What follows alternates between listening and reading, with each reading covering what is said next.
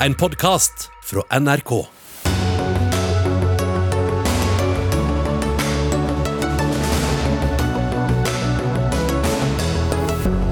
Syke mennesker over 85 år skal ikke lenger få koronavaksine. Grunnen bivirkninger kan ta livet av dem. 13 dødsfall knyttes til vaksinen i Norge.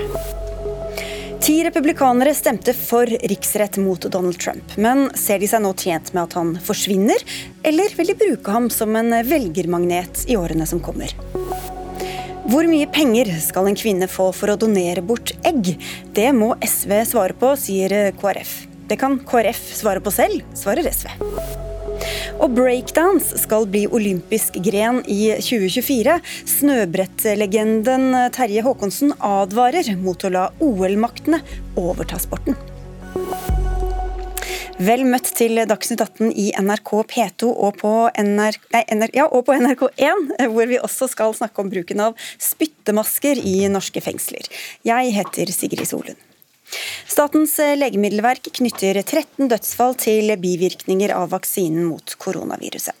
Felles for dem som døde, var at de var gamle og skrøpelige.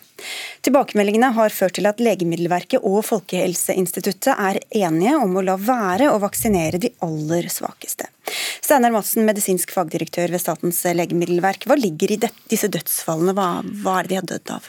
De har eh, alle sammen alvorlige underliggende sykdommer, så det er nok hovedårsaken. Men det som kan ha skjedd hos noen av disse, det er at de har fått bivirkninger av vaksinen i form av feber, uvelfølelse og oppkast. At de da kan ha blitt så dårlige at sykdommen deres har tatt en mer alvorlig vending. Så bivirkningene er de samme, eller kan være de samme, men at det slår hardere ut ja, for noen? Hos noen eldre så slår det hardere ut. Og hvor skrøpelige og syke var da de som fikk, hvor det fikk fatalt ut? Veldig skrøpelige. Det var nyresvikt, hjertesvikt, lungesvikt. Veldig alvorlige sykdommer hos alle sammen. Men hvorfor vaksinerer man i utgangspunktet noen som da er så syke? Ja, Det er jo det man nå har diskutert, om man skal da fortsette å vaksinere alle. For i prinsippet så begynte man med å vaksinere alle. Og så ser vi at de kanskje må gjøre et lite utvalg. At de som har kort levetid og veldig alvorlige sykdommer, kan man kanskje være litt mer forsiktig med. Men hva var tankene? Er det verre å dø av covid enn å dø av den andre sykdommen, eller? Det tror jeg ikke man kan sammenligne. Uh, ideen var jo at hvis du vaksinerer alle på et sykehjem, så hindrer du smitten. Så Det er en god tanke bak det, men så er det da kanskje noen pasienter som ikke tåler denne vaksinen og får sterkere bivirkninger enn vi trodde. Hvorfor uh, visste man ikke, eller hvorfor trodde man ikke at det også kunne få så sterke bivirkninger for disse? Det var diskutert, men eh, problemet var at i disse studiene som ligger til grunn for godkjenningen, så var det ikke pasienter over 85 år, eller personer over 85 år. Så da hadde vi litt mindre kunnskaper, og det var litt større usikkerhet. Men vi antok at det ville gå bra. Og De erfaringene som vi nå har høstet i Norge, hvordan stemmer de overens med tall fra andre land? Foreløpig har vi ikke fått så mange tall fra andre land, men vi får nå en oppsummering. Nå I morgen kommer det en oppsummering fra bivirkninger fra hele Europa, og den skal vi se veldig nøye på. Sara Viksmoen Vatle, du er overlege ved seksjon for smittevern og eh, vaksine ved Folkehelseinstituttet. Vi var litt inne på det, men hva gjør disse erfaringene nå med hva slags strategi dere legger til grunn? Eh, vi har ikke endret strategien vår, men vi har prøvd å presisere rådet vårt om at eh, de aller eh, skjøreste og mest skrøpelige pasientene, så er det viktig at man gjør en individuell vurdering av om disse pasientene tåler vaksinen og skal ha den. Så det har vært egentlig vurderingen hele veien? Ja, det har vært vurderingen hele veien. Men er det også blitt fulgt opp? Eh, jeg tror at det er viktig at vi presiserer det nå, sånn at eh, de der ute får støtte for at det er viktig å gjøre en individuell eh, vurdering av disse pasientene. De vi snakker om har jo høy risiko for å få alvorlig sykdom og dø av covid-19. sånn at det er viktig at de tilbys vaksine, men man må gjøre den vurderingen av om de er såpass dårlige pga. andre underliggende sykdommer at de kanskje ikke tåler denne vaksinen. Men er det da blitt sånne vurderinger, gjort sånne vurderinger? at at her er det en pasient som er for syk til å til å ta den vaksinen? Det, det, tror jeg absolutt at det har vært gjort. Og så er den vurderingen alltid veldig vanskelig. Det er jo en balansegang her mellom det at man ønsker å beskytte de som eh, trenger det mest, eh, og det at man må, må passe på at de faktisk tåler den behandlingen. Og det gjelder ikke bare vaksiner, det gjelder jo andre typer medikamenter også. Men som Madsen var inne på, da, hvis det er et sykehjem hvor man ønsker selvfølgelig å vaksinere for å hindre smitte, hva gjør man med den ene pasienten kanskje som ikke får vaksinen da?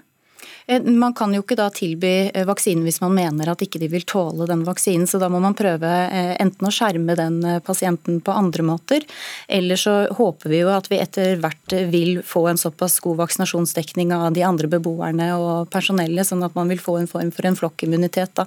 At man beskytter de som da ikke tåler å få vaksinen selv.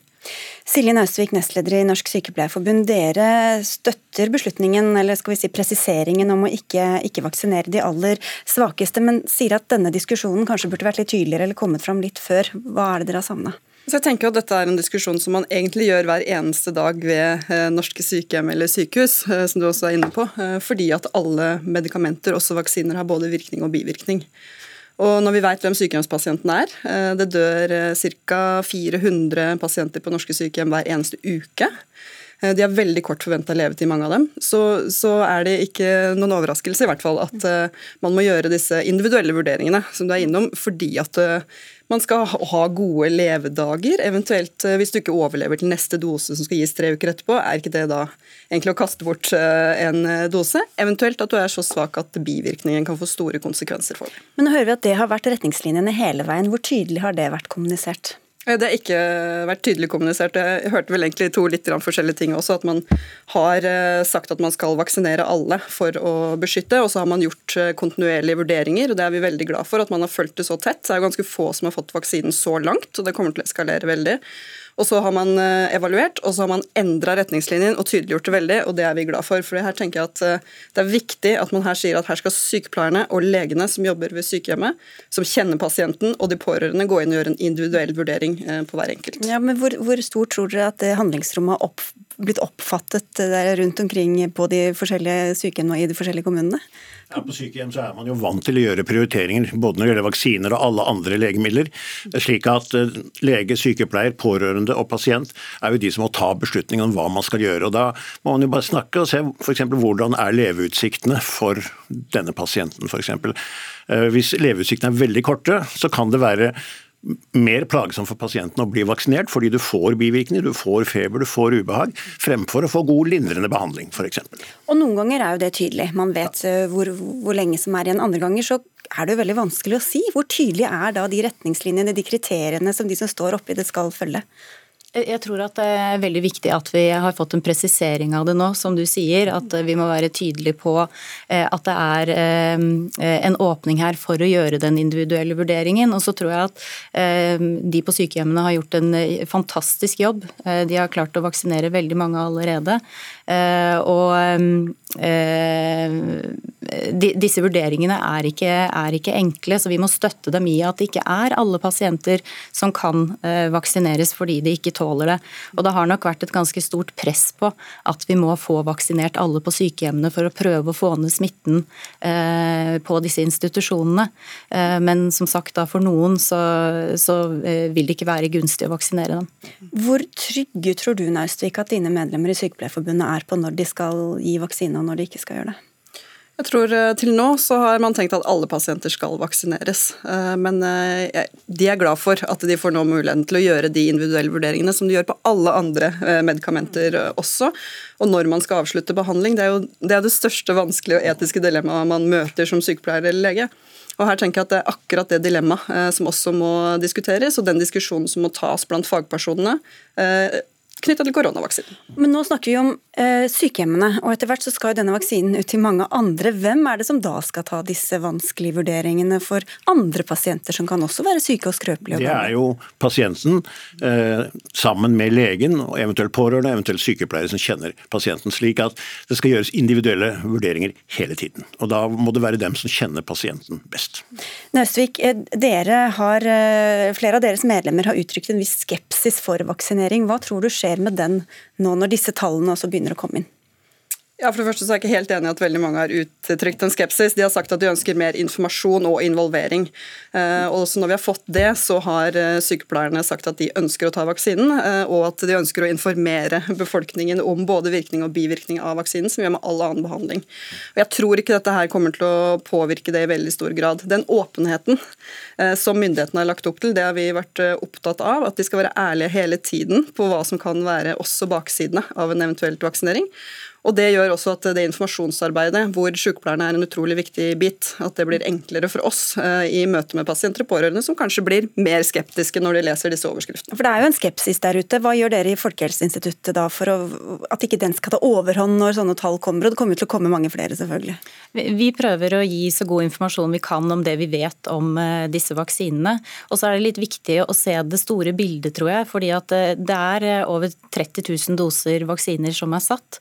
Og de aller fleste eh, får bare milde og forbigående bivirkninger. Eh, og så er det i noen tilfeller som vi har snakket om hos disse ekstra sårbare pasientene, hvor, man, eh, hvor vi forventer at vi, hos noen vil vi få sånne alvorlige hendelser som, som det vi har snakket om nå. Steinar Madsen, vi har jo bare hatt én eh, vaksine her hos oss foreløpig. Hva vet vi om de ulike bivirkningene for de ulike vaksinene? Ja, Den neste som kommer er jo Moderna. Den vel, begynner vel de fleste do, første dosen blir gitt i morgen, så vidt jeg vet. Eh, den er veldig veldig lik Pfizer-vaksinen som vi har brukt hittil. Eh, Moderna-vaksinen har nok kanskje litt mer av de samme bivirkningene, feber, uvelfølelse og sånne ting. For den, den, eh, den, er på en måte kanskje litt kraftigere sånn sett, men ellers er de veldig veldig like, og vi forventer akkurat de samme bivirkningene. Mm. Nå er det jo også den russiske vaksinen blitt interessant for flere andre land, som mange var mange ganske skeptiske til i begynnelsen. Kan den også bli aktuell her til lands? Ja, det kan den faktisk, og det går jo rykter om at de kanskje faktisk har tenkt å søke godkjenning i Europa også. Det får vi nå se på, men det er en veldig interessant vaksine og egentlig et veldig godt prinsipp, så man skal absolutt ikke undervurdere russerne. Så ja, Vi var for skeptiske til å begynne med, eller i hvert fall mange var det? Og det med rette. altså Den ble godkjent etter at man har prøvd det på 100 personer, og etter si, vestlig standard er det alt, altfor lite. Nå kommer det i hvert fall mange vaksiner etter hvert, så får vi sikkert denne diskusjonen mange ganger i løpet av de neste månedene også. Takk skal dere ha for at dere kom i denne runden. Steinar Madsen, som altså er medisinsk fagdirektør ved Statens legemiddelverk, Silje Naustevik, nestleder i Norsk Sykepleierforbund, og Sara Viksmoen Vatle, overlege ved Folkehelseinstituttet.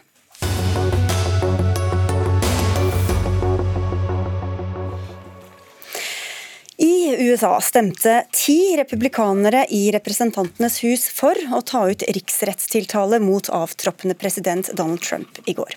Det skjedde altså etter stormingen av den amerikanske kongressen i eh, forrige uke. Trump blir den første amerikanske presidenten til å bli stilt for riksrett to ganger, denne gangen for å oppildne til opprør. Dette har vi snakket mye og lenge om, Sofie Høgestøl, USA-kjenner og førsteamanuensis i rettsvitenskap ved Universitetet i Oslo. Riksrett er blitt en del av vokabularet, men hva er det egentlig, og hvorfor er det politikere som driver med det, og ikke domstolen? For det, det er en av de få mekanismene man har i den amerikanske grunnloven for å ansvarliggjøre en sittende president. Presidenter i USA er jo, mens de er sittende, da, gjerne tenkt på som unntatt eh, straffeansvar. Eh, de kan straffes i etterkant, antageligvis. Eh, men de har immunitet mens de er presidenter. Så dette er en mekanisme som vi også for så vidt har i vår grunnlov, men vi ikke bruker så veldig ofte.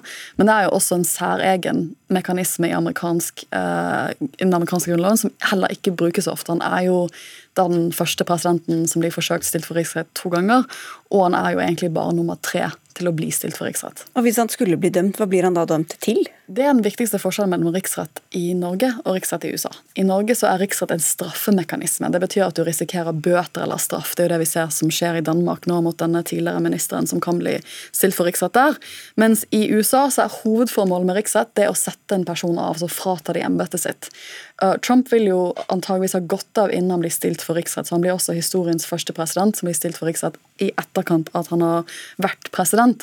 Men den andre muligheten, altså det er som to reaksjoner, det er det at du fratar dem embetet, men så er det også det at du gjør det umulig for dem å stille til gjenvalg. da. Men igjen, det har aldri skjedd med en president før, så vi vet ikke helt hvordan det fungerer. Vi skal spekulere litt i hva de sitter og tenker, eh, særlig hos republikanerne, men først skal vi til deg, eh, korrespondent Veronica Westrin i Washington DC. Du har sett mye dramatisk eh, den siste uka. Hvordan er sikkerhetsoppbudet der hvor du er nå? Det er jo et enormt eh, sikkerhetsoppbud. For å komme inn her i Kongressen hvor jeg står nå, så har jeg vært eh, gjennom checkpoints. Det er bygd store gjerder. Det står store militærkjøretøy i gatene for å sperre av. Det er et vanvittig stort antall eh, soldater på plass. Nasjonalgarden vil jo utplassere 20 000 stykker her. Det er flere enn USA har utstasjonert i Irak og Afghanistan.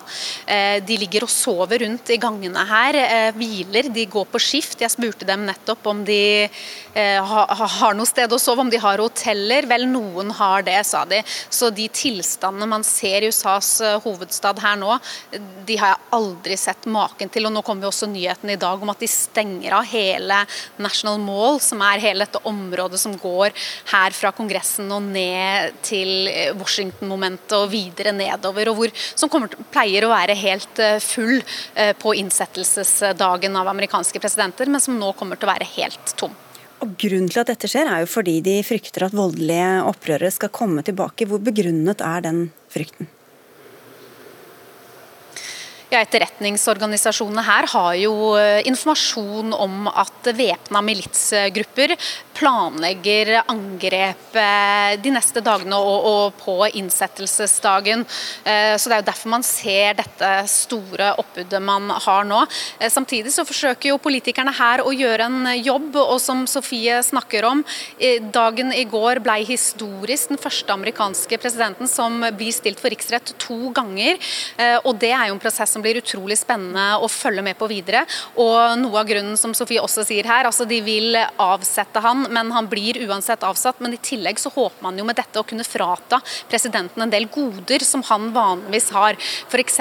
så får de jo lønn når de er eh, pensjonerte presidenter, de får en del sikkerhet fra Secret Service, og alt dette vil de òg da kunne frata han om han blir stilt for, dømt for riksrett, og så videre fratatt alt dette. Hvis han blir dømt, ja hvis han blir dømt, eh, frykt og feighet kan redde ham fra det, skriver du i Aftenposten hvor du er kommentator, Kristina Pletten. Hva slags frykt er det du refererer til da?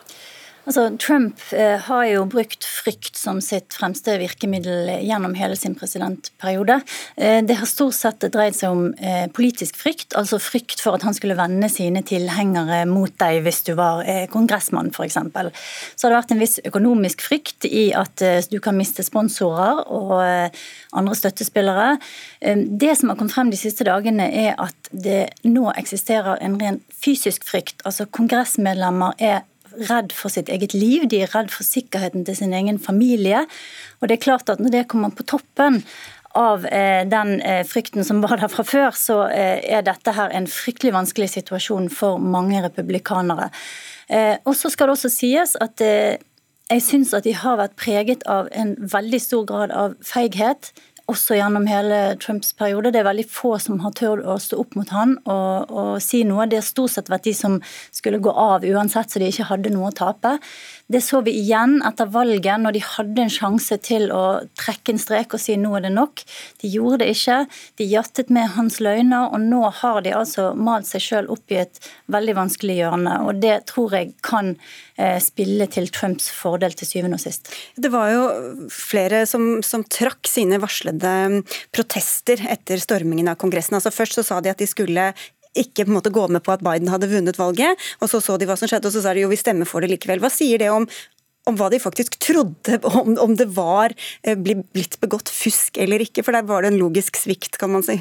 Ja, eh, altså Mitt inntrykk er at det er svært få av disse kongressmedlemmene som faktisk tror på at det har eksistert storstilt valgfusk. Det har vært en eh, mulighet til å kanskje eh, skaffe seg noen av Trumps tilhengere i fremtiden, og derfor så har de gått med på denne løgnen. Så er det kanskje et par stykker som er såpass langt ute i, i i sfæren at de faktisk tror på det, men jeg tror det dreier seg om kanskje en liten håndfull. Sofie Høgestøl, de vil jo, som Pletten sier her, gjerne beholde Trumps velgerskare. Mm. Og de vet jo at blant sine egne velgere så er det veldig mange som fortsatt uh, har tiltro til Trump. De, en del som støtter det som skjedde i Kongressen. Hva er de villige til å gjøre, eller hva tror du de tenker og spekulerer i da når de, når de skal se på veien videre nå? Jeg tenker Den store X-faktoren her er tid. For det som kommer til å skje nå, er at uh, denne rettssaken i Senatet. For nå går det videre til Senatet, og så er det jo de som skal gjøre en riksrettshøring, altså en type rettssak, og så skal de eh, stemme for eller imot og dømme han. Um, og da trenger man at 17 eh, replikanske senatorer stemmer for å dømme, for at man skal ha to tredjedeler flertall som man trenger for å gjøre det. Og Vi har jo sett at utrolig mye har skjedd på en uke. Jeg antar at det er først om to, tre, kanskje fire uker at vi vil være der at de skal ta den avstemningen. Og Spørsmålet er da hva vet vi om fire uker? Hvor er partiet om fire uker? Hva vil være offentlig kjent om fire uker. Vi ser jo nå at FBI jobber iherdig med å ta ut siktelser. Det kan jo godt være at om fire uker så har man siktelser for terror. Vi ser jo allerede at vi har drapssiktelser.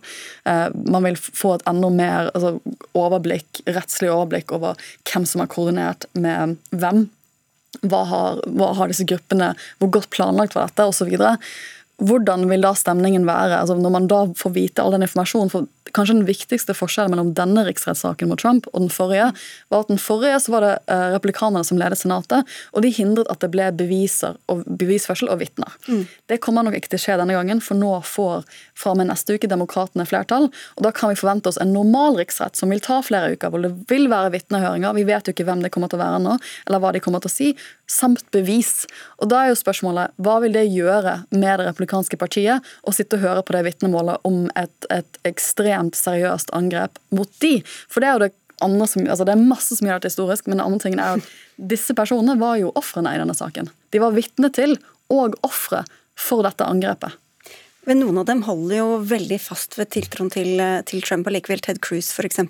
Men samtidig kunne han kanskje selv tenke seg å overta maktbasen til eh, Trump, og skulle gjerne sett at han forsvant, samtidig som han ikke vil ta avstand fra ham. Så det er mange, mye taktikk og mange vurderinger her, Kristina Pletten. Ja, eh, og jeg tror jo eh, Mitch McConnell, som er leder i Senatet, han illustrerer jo nå det dilemmaet som republikanerne har. Jeg tror både han og også Ted Cruz eh, syns det er veldig fristende å kunne bli kvitt Trump for alltid. Og det kan de bli hvis han blir dømt i riksrettssaken, for da kan de også stemme over at han ikke kan få stille som presidentkandidat igjen.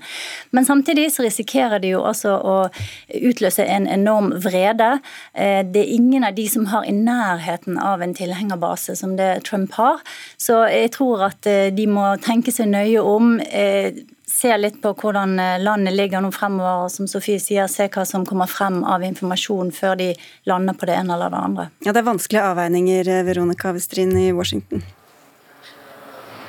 Ja, og så er det jo nå spesielt eh, interessant eh, denne riksrettssaken sammenligna med den forrige, som jeg også dekte her, at Mitch McConnell faktisk går ut og sier at han ennå ikke har bestemt seg. I går så sendte han et brev til sine partifeller og sa at han vil høre de juridiske argumentene i denne saken. Så det gjør jo at denne saken eh, kommer til å bli håndtert på en helt annen måte enn den forrige, hvor alle visste at han ikke kom til å bli dømt. Så det blir spennende, som man er inne på fra studio her, de neste ukene fremover. Men det at en så fremtredende republikaner som Mitch McConnell sier dette, vel, det kan, du skal ikke se bort fra at han får med seg flere. Og kanskje kan han komme til å få med seg de 17 man trenger, men da er man jo også avhengig av at alle demokratene stemmer for å avsette han. Ja, og nettopp det demokratene, Sofie Høgestøl, ser de seg nødvendigvis tjent med en riksrettssak og dom som da kommer til å ta masse oppmerksomheten vekk fra Joe Bidens uh, første periode, altså første ja, tid som president? Jeg tror litt av det praktiske for de har vært hvordan skal man sjonglere en riksrettssak og å få godkjent de som skal sitte i regjeringen til Biden, for mange de må jo gjennom senatsgodkjennelse. Men det mange påpeker nå, er at det er jo de som vil ha regi, så det er jo kanskje mulig for Senatet å ha f.eks. ettermiddagshøringer om riksrett, og så om morgenen så får de gjennom de som sitter i regjering, og så om ettermiddagen gjør de dette. Men det er klart, dette er en type sak som binder opp Senatets tid. Det er alvorlig. Og det er jo mange spekulasjoner i kommer det til å styrke Trump, kommer det til å svekke han. Og det er alle disse tingene vi ikke har noen kontroll eller noen innsikt i. For som jeg har sett den siste uken, så er det veldig vanskelig å spå hva som skjer om tre uker i USA. Og om han ikke blir dømt, Kristina Pletten, så er han allerede i ganske hardt vær rent økonomisk, eh, hvor også stadig flere tar avstand fra ham.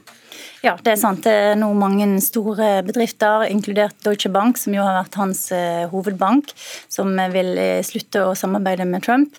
Eh, så han får jo mye å hanskes med også etter at han går av. Jeg tror ikke han får noe rolig og stille pensjonisttilværelse på golfbanen med det første.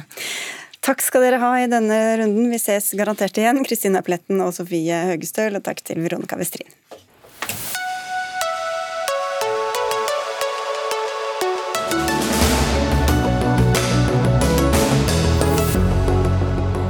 Og mens de fleste er opptatt av denne riksretten mot Trump og all volden og opptøyene som har vært og kan komme, diskuterer andre forsida til det amerikanske motemagasinet Vogue.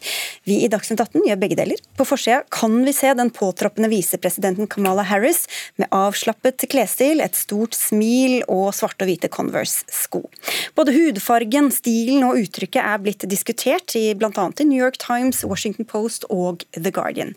Ragnhild Brochmanns-Batist i Morgenbladet og motekulturhistoriker TV-seerne våre, kan se dette, dette, bildet til høyre, som vel er den opprinnelige forsida. Hvorfor vekker dette bildet så mye engasjement, tror du? Nei, Det er fordi at det på ingen måte svarer til de forventningene publikum har når amerikanske Vogue, verdens mest klassiske, konservative, glamorøse magasin, ledet av eh, hun som har lynne og smidighet som en kanonkule, altså Anna Winter, når hun skal ta en stjerne og løfte dem enda et hakk, da forventer folk seg perfekt glansvasking, en enorm perfeksjon, eh, et lyssetting som får alle poser under øynene og skyggene grevinne egentlig å fordufte. ikke sant? De forventer seg overmennesker. Så fikk vi dette. Det ser til forveksling ut som et vanlig menneske, og det var knusende for mange. Og Winter har jo skrevet om dette sjøl i dag også. Hva er, hva er det Våg ville med dette, tror du, og hva var det Harry selv ville? Nei, Jeg tror de ønsket å formidle et Eh, annet uttrykk. En dame som ikke først og fremst er over oss andre, og som sier at hun sliter og strever, men som viser en sårbarhet, at det er ei dame som er på vei inn i et yrke som kommer til å bli rimelig krevende, og ikke minst imøtegå de tradisjonelle forventningene om hva et cover skal være, om hvordan en toppolitiker skal se ut da. Fordi vi må huske på at eh, også fotoestetikken, motesjangeren, altså motefotografisjangeren, er også i ferd med å endre seg.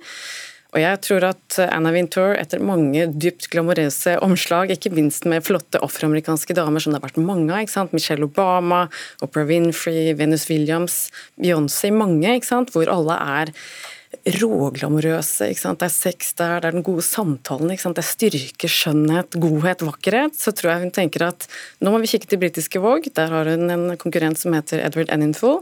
Han har fått vanvittig mye skryt for å nettopp ta det ned, ikke minst i disse tider. Både fordi det er korona, fordi det er en vanskelig tid for moten.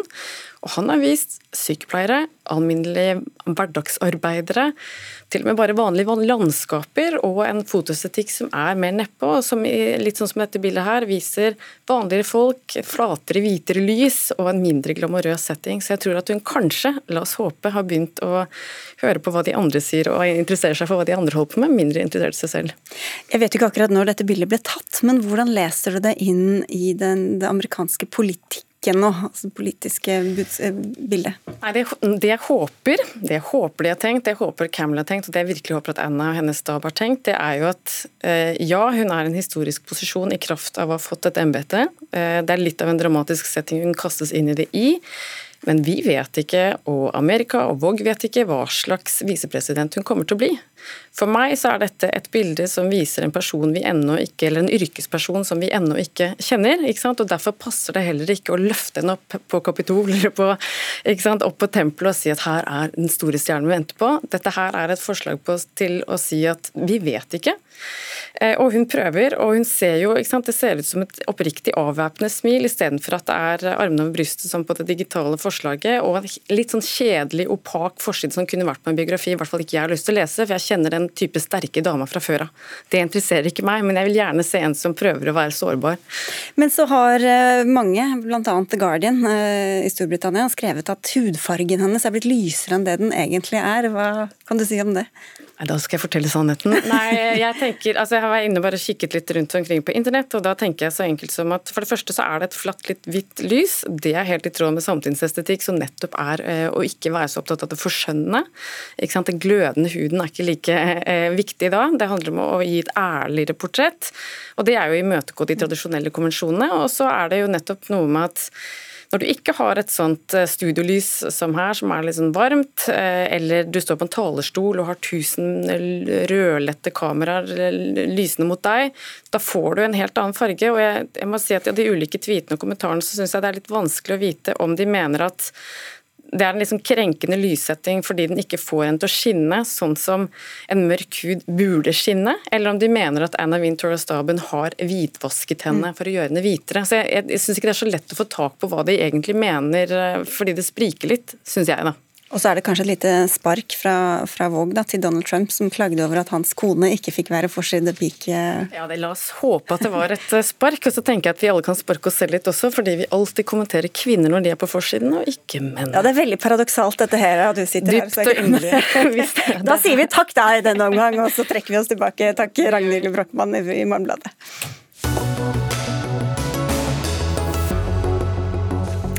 Bør ansatte i fengslene få spyttehetter på de innsatte? Det er diskusjonstema her i Dagsnytt 18, men ikke før mot slutten av sendinga. Hva skal en kvinne få i kompensasjon hvis hun donerer bort egg til andre som vil ha barn? Det spørsmålet er ute på høring og oppe til diskusjon, etter at opposisjonen fikk gjennom en endring i bioteknologiloven i fjor. Da ble det bl.a. lov å donere bort egg mot en viss kompensasjon uten at summen ble satt. Kristelig Folkeparti kjempet imot endringene og følger opp i dagens Vårt Land hvor du henvender deg til SV, Geir Jørgen Bekkevold, helsepolitisk talsperson i KrF, og håper at de ikke legger denne kompensasjonssummen for høyt. Men hvorfor appellerer dere akkurat til SV her? Det er jo fordi at eh, SV og KrF eh, tradisjonelt har eh, stått veldig på samme linje i disse spørsmålene tidligere. Og Derfor har vi spesielt utfordret SV, som også har vært veldig opptatt av at når det gjelder donasjon, så skal det være vederlagsfritt. Det skal ikke være økonomiske motiver eh, som er begrunnelse for at man velger å donere celler eller vev. Eh, så Derfor så har vi utfordret spesielt SV til å mene noe om hvor grensen mellom kompensasjon og betaling går. Fordi dette fikk vi ikke diskutert på en grundig måte når biotekloven var opp til behandling i, eh, i, eh, før sommeren. Vi, eh, det ble flertall for å tillate eggdonasjon. Og Det ble også flertall for at det skulle være en viss kompensasjon. Men selve kompensasjonsordningen skulle jeg nok ønske at vi hadde hatt litt bedre tid til å diskutere. Nettopp for å sikre at vi fortsetter på den samme linjen som vi har gjort til nå. At ikke vi åpner opp for at det skal være økonomiske, økonomiske eh, motiver eh, for å velge å donere selge, vev eller organer. I dag er det jo sånn at du kan donere bort en nyre, men du får ikke betalt for det. Og jeg håper jo at de flertallet på Stortinget har lyst til å følge opp den samme linjen. Ja, men Da kan vi høre med Nicholas Wilkinson, som er helsepolitisk talsperson i SV. Hva syns du om at KrF bare ber om at dere skal stå sammen her? Ja, Det er litt rart. altså Vi er enige, eh, men jeg tror at han har glemt eh, debatten på Stortinget. Fordi det var viktig for SV at eggdonasjon skal være altruistisk. Og det står veldig tydelig Altså at man ikke skal gjøre det for penger? Yes. Og det står veldig tydelig at kompensasjonen skal bare bare være for utgifter og ulemper.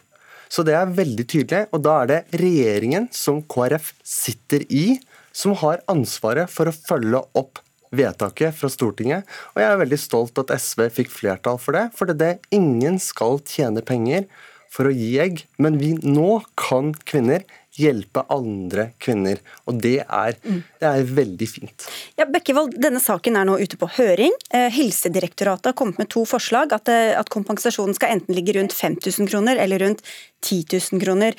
Dere vet at dere har SV med på laget. Hvorfor, hvorfor henvender dere dere ikke heller til Helsedepartementet, som sitter med makten i denne saken? Jo, men uh, Helsedepartementet de følger opp de flertall som blir gjort på Stortinget. Uh, og Derfor så har de nå sendt ut på høring to ulike forslag. Én på 5000, som det ble sagt, og et forslag på 10 000 kroner. Uh, men det er ikke uvesentlig hva SV og de andre partiene som dannet flertall for dette, mener. Eh, om, eh, om, disse nivåene. For jeg tror nok at for noen kvinner, over 25 riktignok, eh, så kan f.eks. 10 000 kroner være et så høyt beløp at, at det kan være med på å avgjøre om man velger å donere egg eller ikke. Mm. Så mitt, Min hensikt er jo at vi sørger for at når vi diskuterer kompensasjon en sånn til en sånn sak som dette, at vi fortsetter med den samme praksisen som vi har hatt til nå. At når det gjelder donering av eh, celler, vev, organer, så skal det ikke være økonomiske motiver som er begrunnelsen for at du velger å donere. Men da kan vi Eh, høre med SV, da. Hvor mener dere at kompensasjonsnivået skal ligge? Altså, Jeg er veldig enig med KrF, og det står veldig tydelig. Ingen skal tjene for å, eh, å gi egg. Og for meg, altså, Det var regjeringen som var sendt ut med et uh, forslag om over 10 000 kroner. Det er SV imot. Ok, Så dere, mener, dere vil da si at 5000, som er det andre, Altså, at det er riktig, så cirka riktig Altså, Vi må se på høringen, fordi nå har regjeringen, som KrF er i, sendt forslag til organisasjoner, folk og kvinner som kan gi svar. Da må vi vente for å få eh, kunnskapen fra de som jobber for, på feltet. Så det er litt rart at vi skal ha en debatt når vi ikke har fått kunnskapen på plass. Den kommer nå. Men vi må vente og få svaret. ja, Hvorfor haster det så fælt med å få svar fra SV, Bekkevold, mens det renner inn svar fra alle mulige andre høringsinstanser? Fordi SV er et av de partiene som, eh, som dannet flertall for dette. Og det er ikke uvesentlig eh, hva de partiene som fikk flertall for dette, faktisk mener om dette spørsmålet.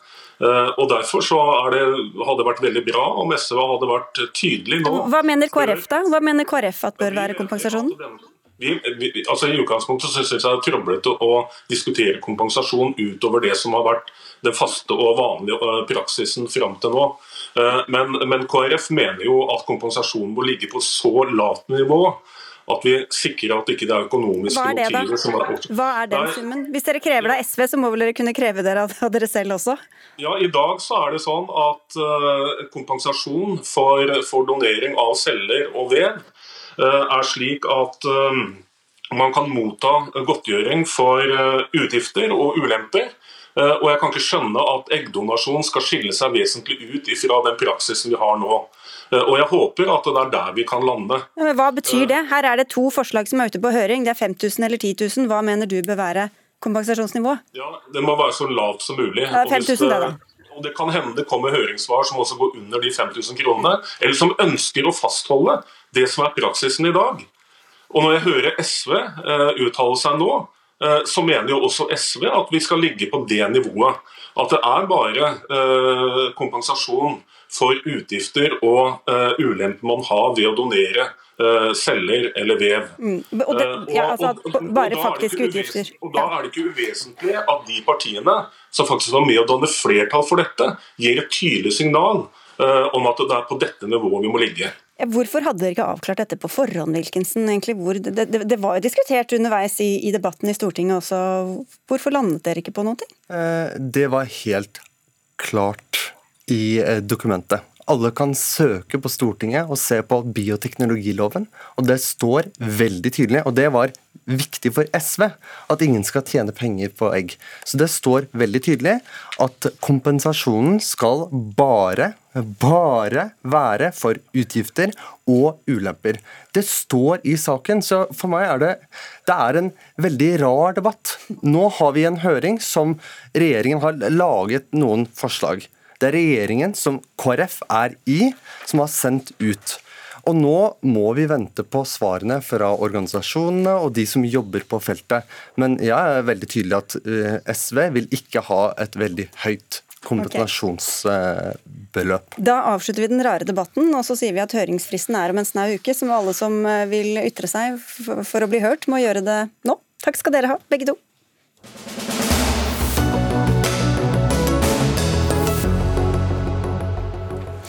Om tre år kan en norsk breakdanser ta OL-gull. Breakdansing blir en konkurransegren i lekene i Paris i 2024, sammen med surfing, skating og klatring. Men kan dette ødelegge for kreativiteten og musikaliteten? Janne Krogå, du er sportssjef i Danseforbundet og er koordinator for norsk breakdance til OL i 2024, og jobber med et lag som kan bli aktuelle da. Hvorfor mener du at breakdance hører hjemme i OL? Eh, Først og fremst fordi at det kanskje vil gi breakere og dansere for øvrig den anerkjennelsen den sporten det faktisk er. Eh, Men det er også viktig for oss å ivareta det kunstneriske og det breakingen er.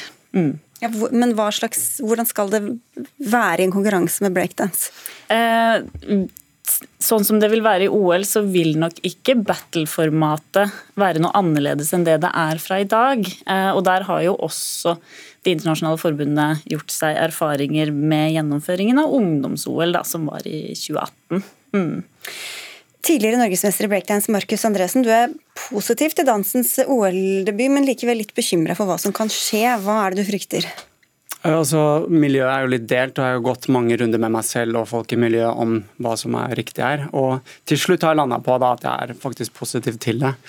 Men altså, breaking er jo først og fremst en danseform hvor musikalitet, originalitet, form, groove og Estetikk har, er essensielle verdier her. Da. så Mange er jo liksom redd for at triks og akrobatikk skal på en måte overskygge dette her helt og at eh, det skal på en måte bli det som representerer breaking for resten av verden. Da. Så, men eh, på andre siden er det mange positive elementer òg, så jeg føler på en måte at det, kanskje de positive mulighetene veier litt mer enn den frykten mange av oss sitter med. da. Men jeg tror, som sagt, som Janne sa, så har breaking på en måte Det er en battledans, og battle og konkurranse har alltid eksistert siden 70-tallet. Så det her er ikke noe ny debatt, og det har vært store scener og store former av dette her før. Så det blir bare litt av det samme, kanskje bare litt større format og en ny drakt. da. Hvordan skal man hindre det, da? Krog, at sjelen forsvinner og at konkurranseelementet tar overhånd? At det blir strigla? Ja, Godt spørsmål, eh, og kjempeviktig spørsmål å ta med, fordi at vi må få med oss miljøet. Vi må få med oss det eh, nasjonale break-miljøet i Norge på å være med sammen med oss i Norges Landsforbund for å sikre at det på hvert fall på nasjonal basis blir lagt til rette sånn som miljøet vil ha det selv. Vi kan jo trekke noen paralleller her. Eh, Terje Håkonsen, du har kjørt snøbrett, som vi sier her, profesjonelt i over 20 år, og har for flere anledninger gått ut mot at det skal være en OL-gren, sånn som det ble for eh, hva er det, 30 år siden eller noe sånt nå? Det er over 20, 20, 20 år siden. Hva gjorde OL med snøbrettkjøring? Uh, nei, det har ikke gjort noen ting, egentlig. Eller uten uh, Det har ikke blitt så mye positivt. Det selges ikke noe mer snowboard, det er en undersøkelse. Uh, når vi går til sporten, når vi snakker om sjelen og Eh, uttrykk og sånne ting, så har eh, snowboard stagnert pga. at det er et forbund som har tatt over som ikke holder på med snowboard. Men husk på at eh, kanskje folk vil ha anerkjennelse og være med på OL, og det ser veldig fint ut, men hvis du går i dybden på hva OL er, så handler ikke det om sport. Og de bryr seg ikke om at breakdance utvikler seg. De vil ha breakdance fordi det er en kul actionsport, og det selger mer sponsormidler alle de som jobber i IOC, driver med real estate og alt det som ikke handler om sport. Og Det er ikke noe hemmelighet, men folk ser vekk, og så tror folk at uh, det er veldig glamorous med, med OL. Eh, en organisasjon som ja, de gjør med både human rights crimes og naturkriminalitet. og utøverne får Det er bare de som vinner, som kjenner på det. Og det er forbund som kjenner på det, og det er trenere. Så... Det er jo ingen her fra OL, så jeg må bare si det, de har sikkert sine innvendinger mot det du sier, men dere vil jo, jo Det er bare ja. bilde på OL. Liksom, så mm. klart Folk vil ha en anerkjennelse og bli liksom Vi er også en bra sport. Jeg tror liksom mange av actionsportene trenger ikke OL for å leve videre og uttrykke seg og ha en progresjon. Da. Ja, Så hva burde de gjøre da? Um, nei, Det er vel på god vei. Det er jo ikke en liten sport. Det er en ganske populær sport. Ja. Men uh, jeg tipper liksom uh, hva du burde gjøre, det er bare egentlig å fortsette det. Ja, Og ikke, ikke bli en OL-gren? Ja. ja for jeg hører jo på hva du sier og på en måte kan ikke liksom debattere mot det. Men breaking har jo eksistert i 50 år, og mange i miljøet er også sånn nei, men vi klarer oss fint sånn som det er. Så er ikke det at, alle, at breakerne sitter på knær og ber om å få være med, men det er jo en anerkjennelse. Men, um, Hvorfor er den anerkjennelsen så viktig, da? Det er vel kanskje drømmen for mange da, å bli liksom sett av verden med, med, på pallen og gullmedalje og sånn. Det er kanskje en glorifisering, som du nevnte. Men det er jo det liksom at faen, man har jobba altså jeg, Nå har jeg breaka liksom, lagt hjertet mitt i det her i 23 år. Og jeg kommer ikke selv til å stille opp som utøver i OL, eller som konkurrent. Men jeg vil gjerne se liksom bare faen, altså, Du legger liksom livet ditt i dette her. Og det å på en måte få en viss sånn anerkjennelse og bli sett litt, da, det syns jeg kan Håper jeg da kan bidra til noe positivt for breakere og miljøet. da, kan si. Mm. Jeg er enig med det der å, å få det, det, stort, og du har en sport du, du blør for og sånt. Men du nevnte også det sjøl at uh, du vil ikke ha at uh, det mest akrobatiske. Da. Det er liksom Mye av sjelen er med stil og uttrykk. ikke sant? Og Det samme har vi på alle dømmesporter. da. Og Vi sliter med det samme i, i vår sport. Uh, hvor da kanskje, kanskje ikke akkurat det man har lyst til å se på blir presentert, men det er det som får mest poeng. da. Ja. Men der igjen, der har vi snakka om, du sa det til Janne også her, at eh, hvordan dette blir ivaretatt, det er jo med å ha dommere som har de verdiene, som har vært i miljøet og bleika mange år. Og så er det også utvikla et dommersystem som da Hovedkriteriene er musikalitet, personlighet, kreativitet. Fordi det er jo Faren her er jo at alle skal gjøre de samme momentene for å sanke poeng, eller at det skal bli en homogen danseform. da. Men sånn breakingas grunnlag er jo det å være individuell og skape noe selv og skape en egen signatur. Og det, sånn som jeg har sett det nye dommersystemet de skal bruke, på en måte da løfter det her som hovedverdier. da. Og Hvis du kun gjør triks og bare repeterer det, så vil ikke de gå høyest. Så jeg stoler på at med gode dommere og det gode systemet, så vil den beste danseren som kan formidle noe, kunne vinne. Du skal jo prøve å rekruttere folk her. da, Krog, og Tror du at det blir de beste, eller bare de som er mest ute etter liksom, anerkjennelse og sole seg i denne OL-glansen, som vil ønske å være med? Det vil nok uansett være, i hvert fall på nasjonal basis, her i Norge så vil det være de beste vi kommer til å sende på for å prøve å kvalifisere seg til OL, ja. Mm. Ja, kan du si at eh, Tror dere at de beste utøverne i hele verden kommer dit? Til OL? Ja. Altså, først og fremst så er det jo da 16 B-boys og 16 B-girls, og det i seg selv er jo faktisk en liten andel av antall land totalt sett. Eh, 16 eh, breaker-gutter og 16 breaker-jenter da, som kommer til å stå under OL. Eh, så det, Allerede der er det jo mange land som er sila ut, Mm. men målet må jo være gjennom korrekte dommere, gjennom et godt dømmesystem, og sikre at det er de 16 som faktisk er verdige da, til å stå Men der. Terje Håkonsen, du har jo vunnet masse mesterskap sjøl. Hva er forskjellen, store forskjellen på å vinne et VM og vinne og delta i OL, f.eks.? Eh, Nå har aldri jeg vunnet OL eller vært med i OL, så det kan jeg egentlig ikke svare Er det bedre å liksom være med i VM? Nei, nei det, det, det, er også, det er et veldig godt poeng. for Jeg, jeg verdsetter de konkurransene hvor de beste var med, eh, og det var et veldig bra forhold hvor mange kjørte bra. Og Det trengte ikke å være VM eller EM eller US Open.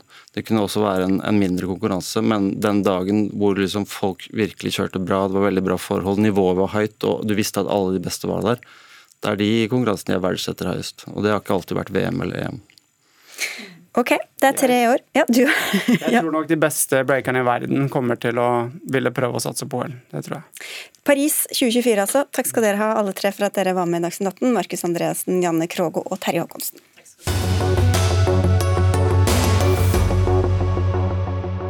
Det høres fint ut når vi snakker om det. Dere vet, dere vet at sendinga fortsetter? Ansatte i norske fengsler eh, må kunne sette spyttemasker på innsatte, foreslo regjeringa. Men da forslaget var oppe til høring i justiskomiteen på Stortinget denne uka, var kritikken massiv. Sivilombudsmannen krever at kvelingsfaren ved bruk av spyttemaske blir utredet. Arbeiderpartiet mener regjeringa ikke har fulgt utredningsplikten. Siden 2013 har politiet hatt mulighet til å benytte spyttemaske, og regjeringa ønsker at ansatte i norske fengsler også skal ha denne muligheten, for å unngå at de blir spyttet på. Karianne Hammer, du er høyskolelektor ved Kriminalomsorgens høgskole og utdanningssenter KRUS. Og du utdanner altså fengselsbetjenter, og har også jobbet som det i 16 år. Og Forklar først kort, hva er en sånn spyttemaske eller spyttehette? Eh, En spyttehette det er en hette som er eh, som er eh, syntetisk, som man tar over hodet på de som spytter. Foran så er det en liten firkant som er av plast, eh, som skal forhindre at væske skal komme ut av masken. Hvordan føles det å ha en sånn på seg? Eh, Det kan se veldig uskyldig ut, men nå vet jo alle kan sette deg litt inn i hvordan det er å ha munnbind på seg. Og det kan jo ganges med, med tid. Også hvis du i tillegg har litt høy puls og blir stressa, så, så er det vanskelig å få puste gjennom denne masken. Ja, hva kan skje? Eh, De eh, skadepotensialet er ganske fatale. Kan gi eh, kvelningsfornemmelser eh, og død, i verste fall. Likevel vil dere altså gi denne muligheten til de norske fengslene. Statssekretær Justis- og beredskapsdepartementet Tor Kleppen Settem. Og hvorfor vil dere det, da? Ja, først av alt fordi eh, Ansatte i kriminalomsorgen, representert gjennom eh, to av de store forbundene, ba oss om å vurdere bruk av spyttmaske, eller å innføre det verktøyet. Eh, og var veldig tydelig på at det savna dem i sin si, verktøykasse, for å bruke det uttrykket. Og Når da to store fagforbund tar det opp med oss, så tar vi det på alvor. og Det er bakgrunnen for at dette ble sendt på høring for halvannet år tilbake. Og så er Det jo ikke sånn at eh, det å innføre bruk av spytthette er noe som bare liksom fritt frem eller noe sånt. Det innføres jo med ekstremt strenge vilkår for den typen bruk av maktmiddel. Eh, og det er klart at eh, det skal også ettergås på en grundig måte, så det er jo ikke sånn at her er det fritt frem å bruke. Det skal brukes i ekstreme tilfeller det er et behov for det, og alltid under påsyn. Men du sa selv at det har vært ute på høring, det har, jeg, det har altså vært oppe i Stortinget denne uka. og Det er flere faginstanser som er veldig kritiske til denne bruken. Sivilombudsmannen sier å tillate spyttehette øker risikoen for umenneskelig og nedverdigende behandling, i tillegg til den fysiske faren som vi også hørte her. Hvorfor vil dere ta den risikoen? Nei, altså Først av alt fordi som sagt, ansatte har gitt uttrykk for at de ønsker muligheten til å bruke spyttmaske. Er det det? Er det, skal dere bare gjøre liksom, nei, nei, hva de ansatte nei, nei, nei, men det, det, er den bakgrunnen for at det hele tatt er et tema. fordi Det er jo ikke viktig for eh, Justisdepartementet som sådan, men det er bakgrunnen for det. Eh, og så er det sånn at Vi har jo hatt dette verktøyet i bruk som et eh, maktredskap i Norge i mange år, nemlig ved at politiet kan bruke det i arrest. Eh, og All erfaring derfra tilsier at dette har ikke ført til skader, det har ikke vært noen store problemstillinger rundt det. Og jeg må innrømme at Når politiet kan bruke det i arrest, så mener jeg faktisk at da også må vi ha kunne ha tillit til dem som jobber i norske fengsel, om at de også klarer å bruke det på riktig og god måte. Hva er den store forskjellen mellom politiet og fengselsansatte, Hammer? Eh, politiet de har helt andre scenarioer enn det vi har. Eh, vi har verneutstyr og eh, plastvisir som vi kan dresse oss opp med selv og beskytte oss selv mot, mot spytt. Patruljerende politi har ikke den tilgangen.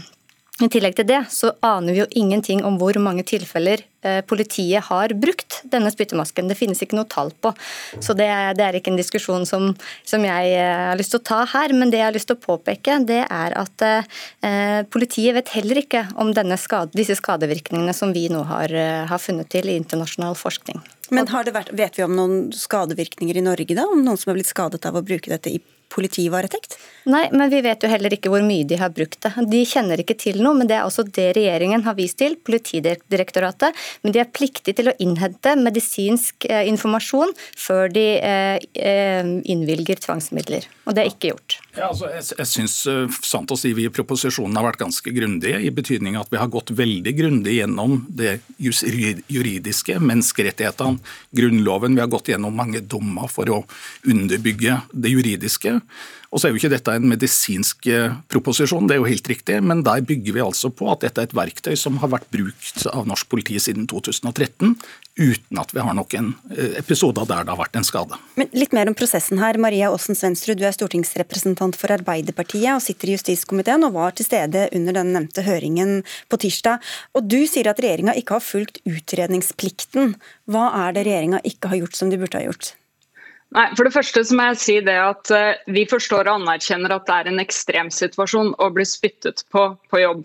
Og når ansatte ber om tiltak, så er vi selvsagt lydhøre for det. Men når eh, statssekretæren sier at de ansatte ba om å få dette vurdert, som et tiltak, ja, så er det jo det regjeringen ikke har gjort. De har ikke vurdert det skikkelig, de har ikke fulgt utredningsplikten.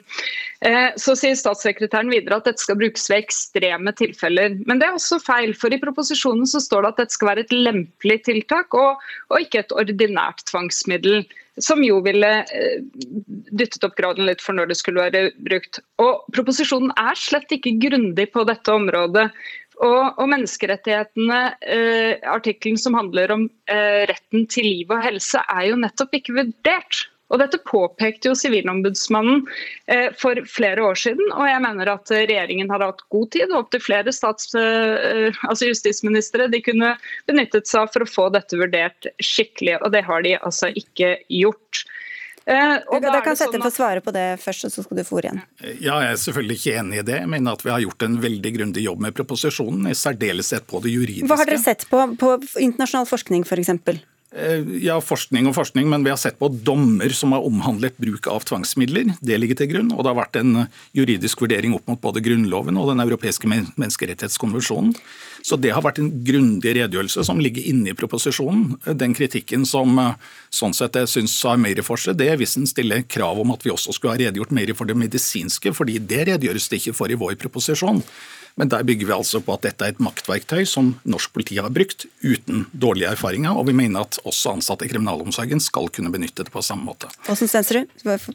Ja, Altså, det er veldig spesielt å høre. fordi at eh, Nettopp vurderingen av EMK, retten til liv og helse, handler jo om de medisinske vurderingene. og Her har Sivilombudsmannen påpekt dette for flere år siden. Nå på tirsdag ble det påpekt av Sivilombudsmannen igjen, av Norsk institutt for menneskerettigheter og også fra de ansatte.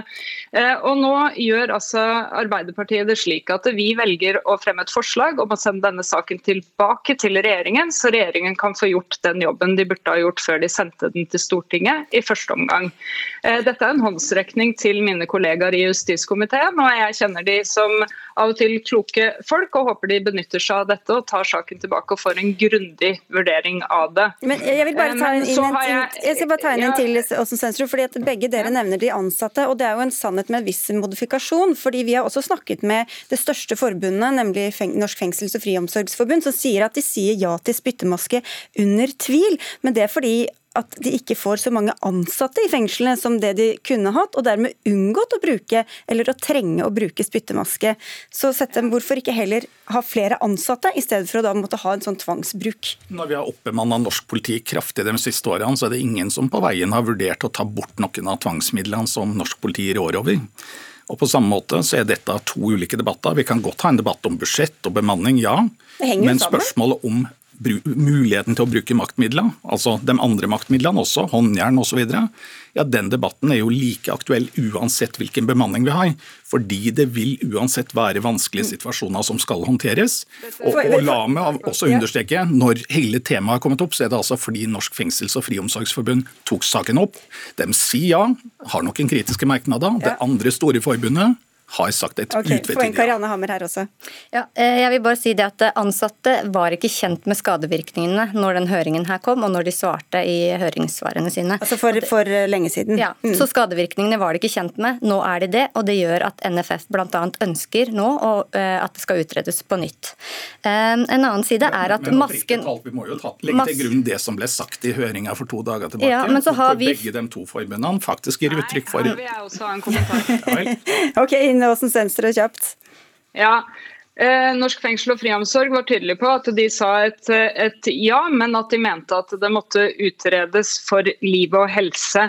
Utredningsplikten må bli fulgt, og det var de ansatte tydelige på i denne høringen. Og så vil jeg kommentere at Disse sakene henger jo tett sammen. Nettopp dette med tilstrekkelig kompetente folk på jobb, bemanning og, og, hvilke behov man har for disse statiske tvangsmidlene, sånn som jern og spytthetter osv.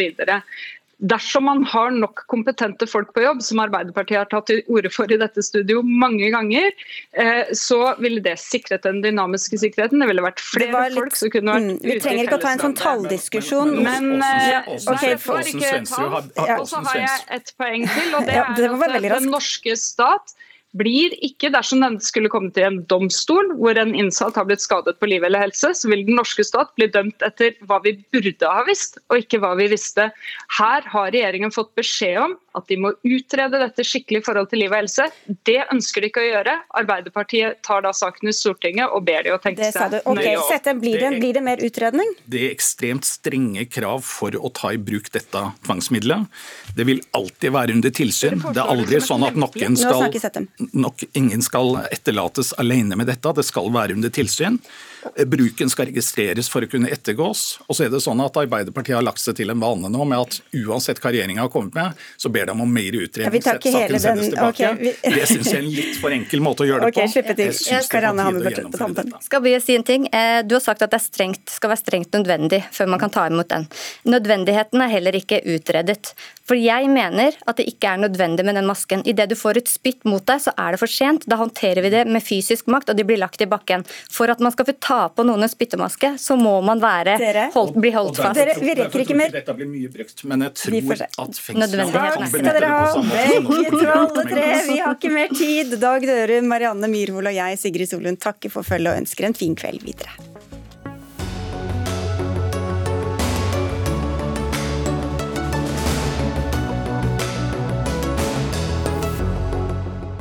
Du har hørt en podkast fra NRK.